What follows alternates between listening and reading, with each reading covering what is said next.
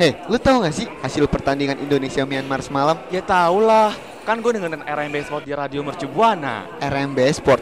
Apaan tuh?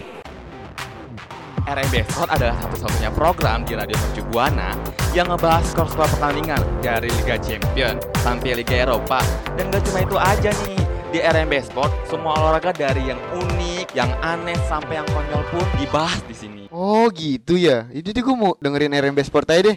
Pengen tahu olahraga-olahraga unik di dunia? Dengerin aja Rembe Sport setiap hari Jumat dari jam 2 siang sampai jam 4 sore hanya di Radio Mercu Buana Station for Creative Student.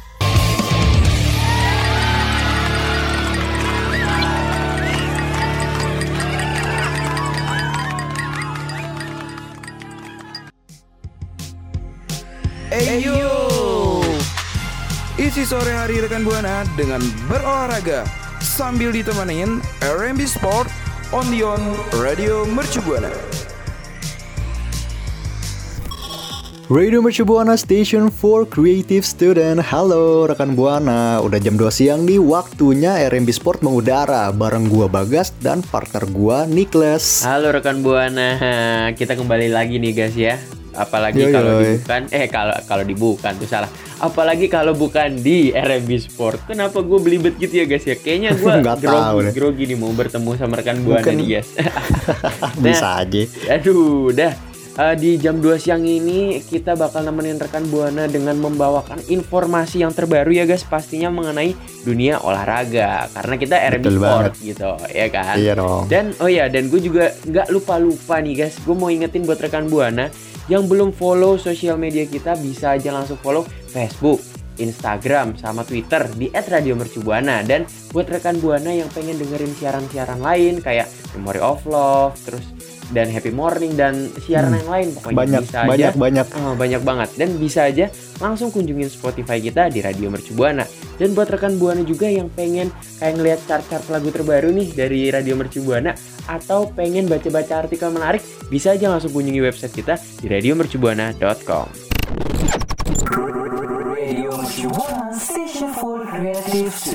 Wah wah wah rekan Buana nih PON 2020 Papua cabang sepak bola udah nggak kerasa nih Mhm. Udah mau masuk final aja Widih, kenapa tuh dengan sepak bola pon nih guys? Ada apa? Nah, gini, jadi finalnya ini eh, bakal jadi seru banget nih karena eh, apa namanya yang final sepak bola PON Papua yang mempertemukan tuan rumah dengan Aceh bakalan jadi duel mantan pemain yang pernah bela timnas Indonesia yaitu ada Wadaw. Edward Ifak Dalam Aha. dan juga ada Fahri Husaini. Wih keren keren keren dan oh iya sedengar dengar gue nih guys ya Edward dan Fahri ini adalah eh, dua gelandang guys dari dua era yang berbeda Edward Hmm. pernah ngebelain timnas nih eh, sejak pertengahan tahun 90-an sampai tahun 2000-an awal nih guys Hmm. Eh, atau bisa juga setelah Fahri merasakan kejayaannya bersama skuad Garuda tahun 90 eh 1980-an sampai pertengahan 90-an. Nah, iya banget nih. Makanya jadi eh, jadi pertarungan yang sangat unik banget karena juga eh, dua pemain beda era ini tuh udah sama-sama bela timnas Indonesia di Iya. ajang SEA Games tahun 1997 Wih, lalu. Keren keren keren keren. Itu banget dan juga eh, pas waktu itu juga Fahri dan Edward eh, merupakan penghuni lini tengah selain eh, Uston Nawawi, ada Roni Wabia, Bima Sakti dan juga Ancari Lubis. Wih gila, legend legend semua tuh ya, legenda Iya dong. semua tuh di situ tuh ya. Legend 97 semua ini emang. Aduh keren keren keren dan Fahri yang lebih dulu nih gantung sepatu nih guys, kemudian Hmm. menjadi pelatih di Bontang. Jadi dia setelah mungkin setelah puas kali ya dengan Iya. piala-pialanya dan uh, masa-masa kejayaannya dia uh, memilih terjun menjadi pelatih di Bontang. Dan sebelum kemudian uh, menjadi pelatih timnas Indonesia di level kelompok umur gitu guys. Wah keren banget sih dan juga ya nih sosok asal Aceh ini tuh emang eh, kemudian tenar sebagai juru latih timnas Indonesia U16 yang mengantar eh, Bagus Kahfi dan juga Iya. kawan-kawannya menjadi juara AFF Wah keren. dan keren, nembus putaran final Piala Asia U16 tahun 2018 Oh, iya, iya, lalu. Iya, iya, iya, ingat ingat Iya. ingat gue. Dan Edward keren pun banget. uh, setelah pensiun jadi pemain uh, bola ngambil kursus kepelatihan guys dan sempat nanganin Hmm. kesebelasan Liga 3 Uh, apa ya seingat gue Persewar Waropen Hmm. atau apa gitu dan Persemi Midi Mimika gitu. Ah, iya itu itu Hmm. Mak- makanya eh, akhirnya gimana ya selepas menangani timnas Indonesia U19 pas akhir 2019 lalu, Mhm. akhirnya nih si Fahri eh, merapat nih ke tim Pon Aceh Oke. 2020. Ah, ah. Nah sementara Edward tuh eh, mulai bikin tim Pon Papua pada tahun 2019. Mungkin pada ini kali ya guys, pada kangen ya guys berjaya di ma- Mm-mm. di rumput hijau lagi. Jadi Iya, mereka mungkin karena ini salah satu change buat mereka, jadi mereka membuat tim, lalu mereka berlaga nih guys di PON. Dan pada eh, Mm-mm. fase grup, Papua tampil sebagai juara grup dengan eh, mengemas dan memenangkan dari tiga kali tampil guys. Sementara Aceh juga menjadi Hmm. juara grup dengan keunggulan jumlah gol. Gila keren banget Nah ya. ini juga nih Mhm. menarik juga menarik juga karena eh, Edward Ifak Dalam dan juga eh, si Fahri tadi emang mereka tuh legenda timnas Mhm. Indonesia lah dari tadi kan disebut sama lo kan dari tahun 80-an tuh 80, sampai 90, tahun 2000-an. 90-an itu si si Fahri kan si Fahri itu 80-an sampai 90-an terus habis itu si Edward itu 90-an Mhm. Yeah. sampai 2000-an dan setelah itu si Fahri jadi pelatih Edward pun juga eh, ngambil kursus kepelatihan dan juga nanganin kesebelasan Liga 3 tadi Persewar Waropen dan Persemi Mimika dan sekarang mereka akhirnya tanding lagi dan ketemu nih nanti di final PON 2020 nanti nih Ih keren banget. Tapi sebenarnya kalau dibilang uh, beda apa beda era enggak Hmm. juga sih guys. Karena tipis, Tipis, mungkin ya tipis. sama-sama ketemu di 90-an Iya, cuman- ya. Jadi Iya. Cuman kan kalau misalkan eh, ngelihat apa ya? Ngelihat walaupun cuman beda, tapi kan si Fahri ini bisa ngelihat si Edward di bawah nih gitu loh. aduh. Lu nih di bawah masih, gua. masih bocil ya. Iya, itu nganggepnya. dia. Oke, buat rekan Buana siapa nih tim favorit kalian atau gacoan kalian ya guys bisa dibilang gitu ya guys. kasih, kasih, kasih, Siapa kasih. gacoan kalian di PON Papua besok ini? Siapa nih yang bakal gacoan menang? rekan buana? Ah, oh iya benar. Boleh rekan Buana eh, langsung nih langsung kunjungi Twitter kita, mention kita Jet Radio Mercu Buana dengan hashtagnya RMB Sport. Radio Mercu Buana Station for Creative Student. Oke rekan Buana tadi kita udah membahas mengenai sepak bola dalam negeri nih ya Indo lawan Indo. Sekarang kita waktunya membagikan sebuah kabar bahagia dari dunia sepak bola juga guys. Apalagi kalau bukan eh, yang Indonesia berhasil menampilkan permainan yang meyakinkan saat mengalahkan Taiwan kemarin nih guys di babak playoff kualifikasi Piala Asia 2023. Dan pada leg Wah iya. Ah, pada leg pertama kemarin nih guys, yang digelar di Stadion Buriram, Thailand pada tanggal 7 Oktober 2021, timnas Indonesia menang 2-1 atas Taiwan dan kemenangan eh, tim Sintayong itu diraih berkat dua gol yang dipersembahkan oleh Ramai Rumaikik dan Evan Dimas Darmono. Wah ini emang keren banget nih Eh, Piala Asia, Piala AFC 2023 dan Indonesia pun tampil lebih impresif lagi saat melakoni eh, leg kedua nih ngelawan Taiwan di stadion yang sama eh, pada hari Senin tanggal 11 Oktober 2021. Mhm. Dan kali ini Evan Dimas dan kawan-kawan sukses membantai Taiwan dengan skor yang telak Iya. nih 3-0. 3-0 telak parah tuh jagoan-jagoan Hmm. Indonesia keren ya guys ya. Taiwan Taiwan gak dikasih ampun asli. Aduh, oh ini definisi ini guys, apa? Senggol bos gitu tuh. Guys. Sekalinya disenggol kita membuktikan kemampuan kita guys. hmm. Dan Mantap tiga gol dari emang. timnas Indonesia pada leg kedua diciptakan oleh Egi Maulana, eh, Egi Maulana Fikri, eh, Ricky Kambaya dan Witan Sulaiman. Dengan kemenangan ini Indonesia memastikan lolos ke babak kualifikasi guys Piala Hmm. Asia 2023 dengan agregat 5 eh, 5-1. Nah keren banget sih emang jadi eh, tiga gol timnas Indonesia leg kedua nih ngelawan Taiwan bener-bener telak 3-0 dan pastinya eh, timnas timnas Indonesia menang ini ada kunci-kunci suksesnya Wan. Ih, aduh kunci sukses tuh ya. Hmm, kunci, so, so, sukses. sorga sorga sorga. Untung gua nggak ikut nyanyi itu salah tuh. Eh Iya, ya, gimana gimana gimana tuh? tapi kunci sorganya nih bukan bukan. Aduh, Kunci dilanjut. jadi kunci sukses ini jadi uh, Aha. kenapa tim timnas Indonesia bisa ngalahin telak Taiwan karena Aha. uh, satu nih pilihan formasinya itu tepat. Aha. Benar Hmm, benar. jadi- benar. Jadi emang uh, kesuksesan timnas Indonesia ini nih lolos ke kualifikasi Piala Asia 2023 uh, semua itu tuh berkat keputusannya Shin Tae-yong yang bikin Aha. yang bikin perubahan yang akhirnya tuh uh, berdampak ke performa anak asuhnya tuh lebih baik banget. Mhm, berarti dia udah mikirin matang-matang tuh ya guys ya strateginya ya guys ya formasinya kayak apa gitu ya. Mm-mm, itu dia dan juga par- uh, pada pertandingan playoff ini uh, kenapa formasi tepat jadi formasi yang dirumusin sama Shin Tae-yong ini tuh 4-2-3-1 tapi dalam permainan itu langsung apa langsung transisi jadi 3-4-3 Wah, rubah di tempat tuh ya berarti ya. Mm-mm, itu dia langsung Keren, langsung keren, berubah keren, keren, keren. langsung berubah pas permainan dan skema ini pun dibilang cukup sukses Aha. bikin timnas Indonesia tuh nguasain lini tengah dan akhirnya Indonesia bisa lebih uh, banyak megang kendali permainan dan akhirnya Mhm. mendominasi eh, serangan-serangan yang dilakukan oleh Indonesia ke Taiwan. Oh iya iya benar. Tapi mau sekeren apa pun formasinya ya guys ya. Hmm. Yang paling penting tuh menurut gua adalah peran gelandangnya guys yang Hmm. kreatif karena dalam pertandingan melawan Taiwan kemarin nih timnas Indonesia tuh punya eh, dua gelandang yang jadi otak serangan tim Garuda guys. Karena eh, kedua pemain itu adalah Ricky dan Evan Dimas guys. Siapa sih yang nggak kenal mereka berdua ya Iya kan? dong. Dan keberadaan mereka sukses banget jadi motor serangan timnas Indonesia guys. Kalau kita lihat kemarin nih bahkan nggak hanya pintar ngatur serangan, keduanya juga punya naluri nih guys buat nyetak gol yang tinggi dan terbukti dengan masing-masing satu gol yang dipersembahkan kedua kedelandang itu dan timnas Indonesia uh, menang di babak playoff kualifikasi Piala Asia 2023 gitu. Iya emang emang keren banget sih. Dia tuh eh, si Evan Mhm. Dimas dan Ricky Kambuaya ini tuh emang bener-bener orangnya bisa dibilang kreatif Iya. lah ya. Dia bener-bener pinter ngatur serangan dan juga eh, emang punya tekad Hmm. untuk cetak gol gitu. dan apalagi Dan ah, dan apalagi kalau misalnya dari kita tadi tuh yang udah kita sebutin formasi terus kalau sebenarnya sebagus apa pun formasi kalau misalnya pemainnya nggak pinter ngolahnya ya guys ya Hmm. jadi bakal percuma gitu Iya itu dia dan di sini pun timnas Indonesia bukan cuman tampil bagus nih lawan Taiwan tapi juga Mhm.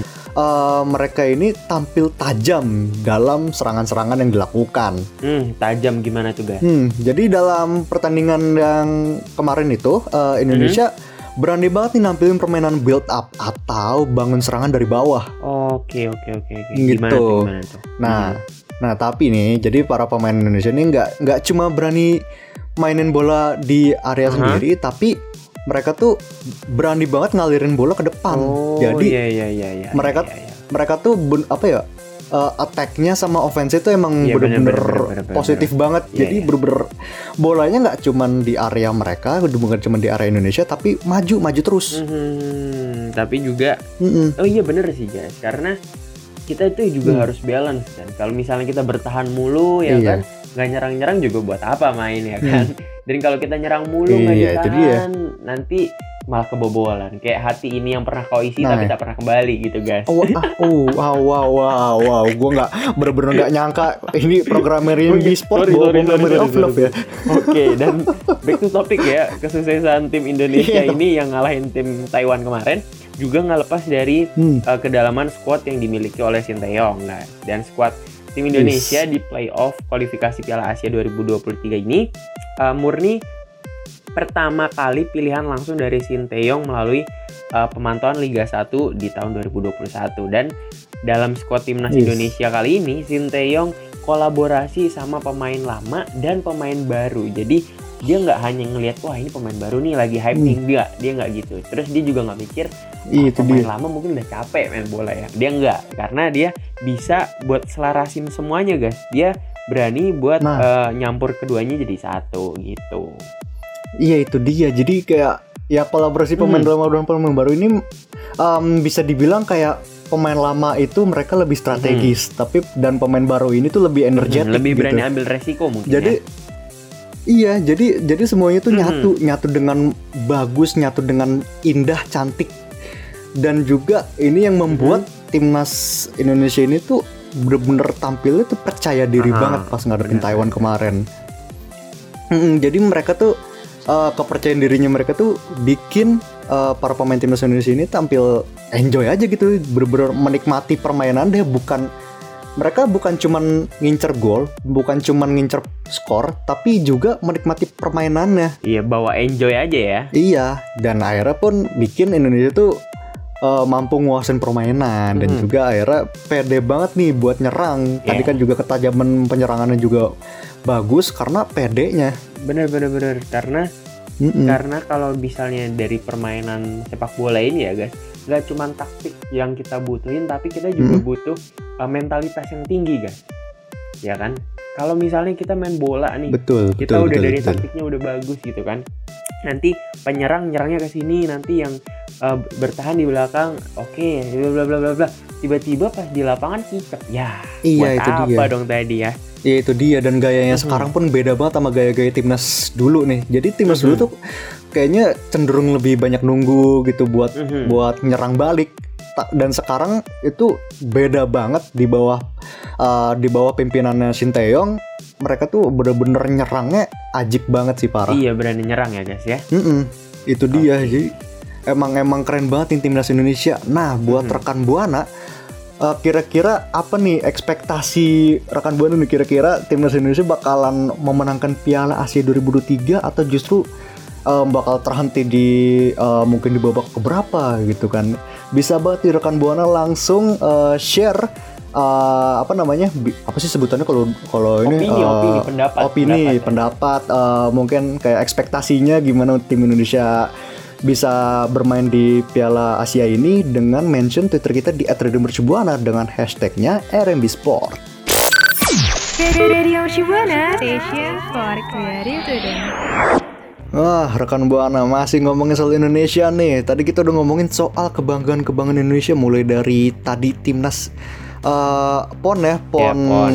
eh, final PON Papua sepak bola nanti eh, mempertemukan Edward dan Fahri dan juga tadi kita udah ngomongin soal timnas Indonesia yang lolos kualifikasi Piala Asia 2023. Nah, sekarang waktunya kita menyampaikan berita buruk dari eh, salah satu klub sepak bola di Indonesia.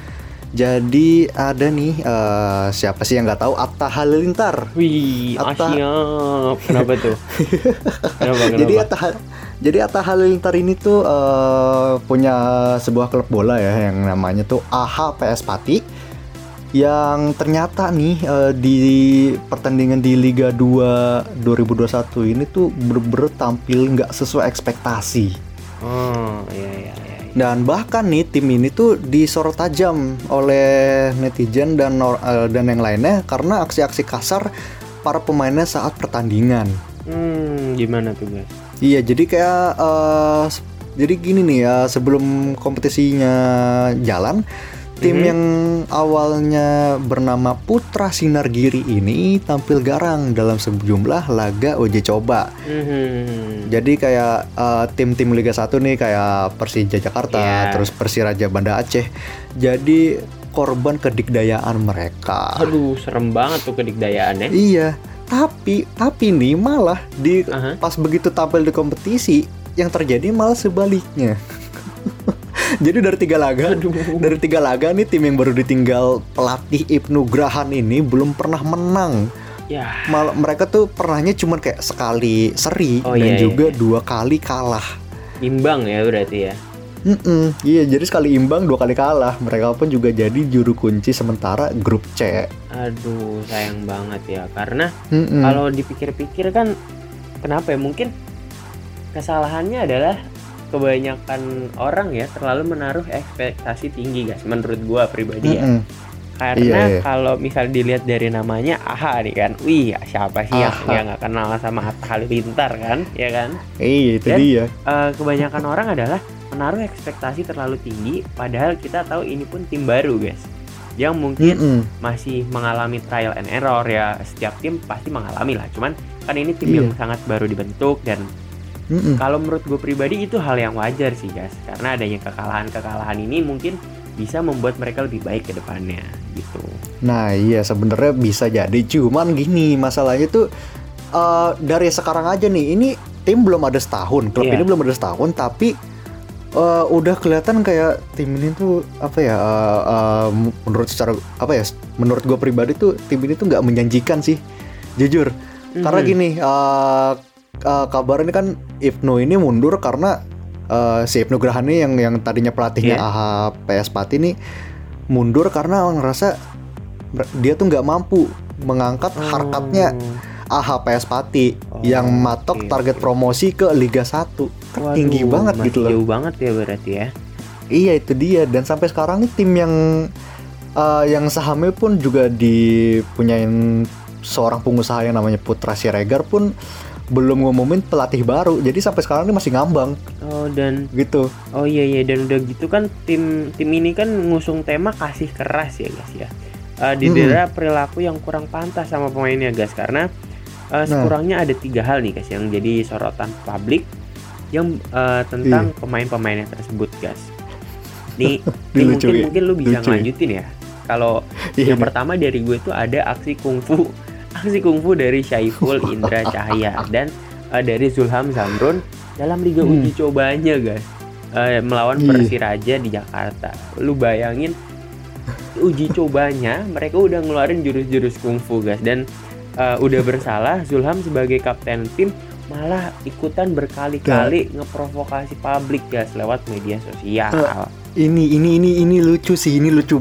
Ini lucu banget karena yang tadi gue bilang eh, kenapa gue nggak percaya sama AHA PS Pati ini bisa bisa jadi tim yang menyajikan karena ya itu kelakuannya tuh masih apa ya masih kurang dewasa lah kalau menurut gua gitu ya. Pasti lu juga setuju lah ya dengan masih kurang bisa mengontrol emosi lah ya guys ya. Hmm, itu dia masih masih labil. Dan juga tim AHPS Pati ini juga sempat dituduh merusak ruang ganti Stadion Manahan yang jadi lokasi pertandingan uh, seluruh grup C Liga 2 2021 Waduh, waduh, waduh. yang waduh. ya meskipun ya kemudian dibantah sama pihak klub dan juga Pampel. Oh, wah, tapi kalau misalnya sampai merusak ya guys ya, Hmm. itu udah parah banget sih guys menurut gue guys. Iya itu dia kan jadi maksud gua gimana ya kalaupun emang apa ya kalaupun emang gak ngerusak seenggaknya ada sedikit tanggung jawab gak sih kayak atau atau atau gimana gitu loh tapi kan ngelihat tadi si Zulhan Zamrun ini malah eh, apa ya malah di media sosial berkoar-koar Kurang ya kita lah ya bisa gak sih ya. percaya kalau iya dan kita bisa gak sih percaya kalau PS Pati ini tuh eh, bener-bener nggak ngerusak ruang ganti Stadion Hmm, Manahan itu Dan ya mungkin masih mereka kan pemain-pemain ini ya guys ya, mungkin masih terbawa emosi hati kali guys. Dan apalagi sampai bisa memprovokasi lewat media sosial kan. Kalau misalnya eh, kita lihat lagi eh, dunia lapangan dan dunia media sosial itu sangat berbeda. Berarti kalau misalnya dia kesal di lapangan, seharusnya menurut gue ya guys ya, orang kalau misalnya udah kesel di lapangan ya udah stop sampai situ aja guys. Tapi mungkin kalau ini sampai dibawa-bawa ke media sosial lah dan uh, di luar lapangan ya, menurut gue terlalu berlebihan sih guys ya. Ya itu dia. Ya maksudnya udah pemain sepak bola harusnya kan profesional ini malah minta-minta untuk masuk ke akun-akun lambe gitu. Anggapannya kan. lambe turah. Itu dia. Lambe-lambe. Jadi Mhm. ya gue sih gue sih pribadi kurang apa ya kurang inilah kurang enak hati gitu ngelihat AHPS iya ya. kurang serak sama AHPS Pati tapi mungkin rekan buana ada gak sih yang yang serak nih sama AHPS Pati yang yang mungkin menurut rekan buana mendukung banget Iya, ya, mak- karena yang punya Atta Halilintar Iya itu dia. gitu ya. Apakah menur- gimana nih? Oh, gue mau nanya banget sih opini rekan buana mengenai AHPS Pati ini, terutama di Liga 2 ini. Boleh banget nih rekan buana langsung sharing-sharing ke kita lewat Twitter, langsung mention kita aja ke @radiomercubuana dengan hashtagnya RMB Sport. Radio Mercubuana, Station for Creative Student. Alright rekan buana, kita sudah sampai di penghujung siaran kita dan tadi kita udah ngebahas mengenai uh, ada akan adanya pertemuan uh, tim sepak bola Aceh dan tim sepak bola Papua di PON Papua besok. Dan buat rekan buana, boleh apa nih yang menjadi juaranya? Eh apa yang menjadi juaranya tuh? Apa yang menjadi Siapa yang menjadi juara? gacoannya siapa nih ya guys ya kira-kira ya guys ya? Dan Itu Nah, dia. dan tadi kita juga udah ngebahas mengenai timnas Indonesia yang berhasil nih guys mengalahkan Taiwan di babak playoff kualifikasi Piala Asia 2023 dan sangat happy Sip. banget ya guys ya apalagi kan Mhm. setelah kemarin minggu kemarin kita ngebahas mengenai sedih-sedih timnas uh, badminton Hmm. kita ini kita up Iya, lagi iya, betul, kita betul, harus betul. semangat lagi karena timnas uh, bola kita dan uh, Betul yang betul. terakhir tadi kita sudah membahas mengenai AHPSG Pati yang uh, ya bisa dibilang sebagai timnas eh timnas lagi yang sebagai tim, Tim- bola tim baru yang- sepak bola baru dan Tim yang itulah gitu lah. yang banyak ini apa tuh namanya skandal aduh bukan skandal guys apa ya Wah, bukan dong. Apa ya? eh, banyak problem Ya, lah. problem lah intinya gue Ah, lupa bahasanya apa ini. itu lah ya dan buat rekan Jadi buana gue penasaran ada nggak sih rekan dari rekan buana pendengar kita yang sangat ngefans banget nih atau mendukung dari PSG Pati ini boleh langsung uh, mention kita kita mau coba kita mau tanya-tanya nih Hmm. gitu ya. Nah, ah Dan- gimana guys? Dan juga nih eh, buat rekan buana mungkin yang masih masih mau nunggu-nunggu dulu nih rekan buana yang lain buat mention-mention boleh langsung pantengin dulu deh langsung pantengin di twitternya Eh, sekalian follow nih sekalian follow Twitter Facebook dan Twitter eh Twitter Facebook dan Twitter Twitter Facebook dan lagi. Instagram Iya, at Radio nah. Mercubuana terus juga dengerin siaran kita di Spotify Radio Mercubuana setiap Senin sampai Jumat dan juga cek website kita di radiomercubuana.com di situ banyak banget artikel-artikel menarik dan juga ada top chart top chart yang diupdate Mhm. setiap minggunya. so kalau gitu rekan buana terima kasih buat rekan buana yang telah mendengarkan kita sampai Iya. segmen terakhir kali ini so kalau gitu gue Niklas pamit undur suara Dan gue Bagas pamit undur suara. And See see you. ya, rekan Buana. Bye-bye. Dadah dadah dadah. dadah. Rekan Buana baru aja dengerin R&B Sport on the on Radio Mercu Buana.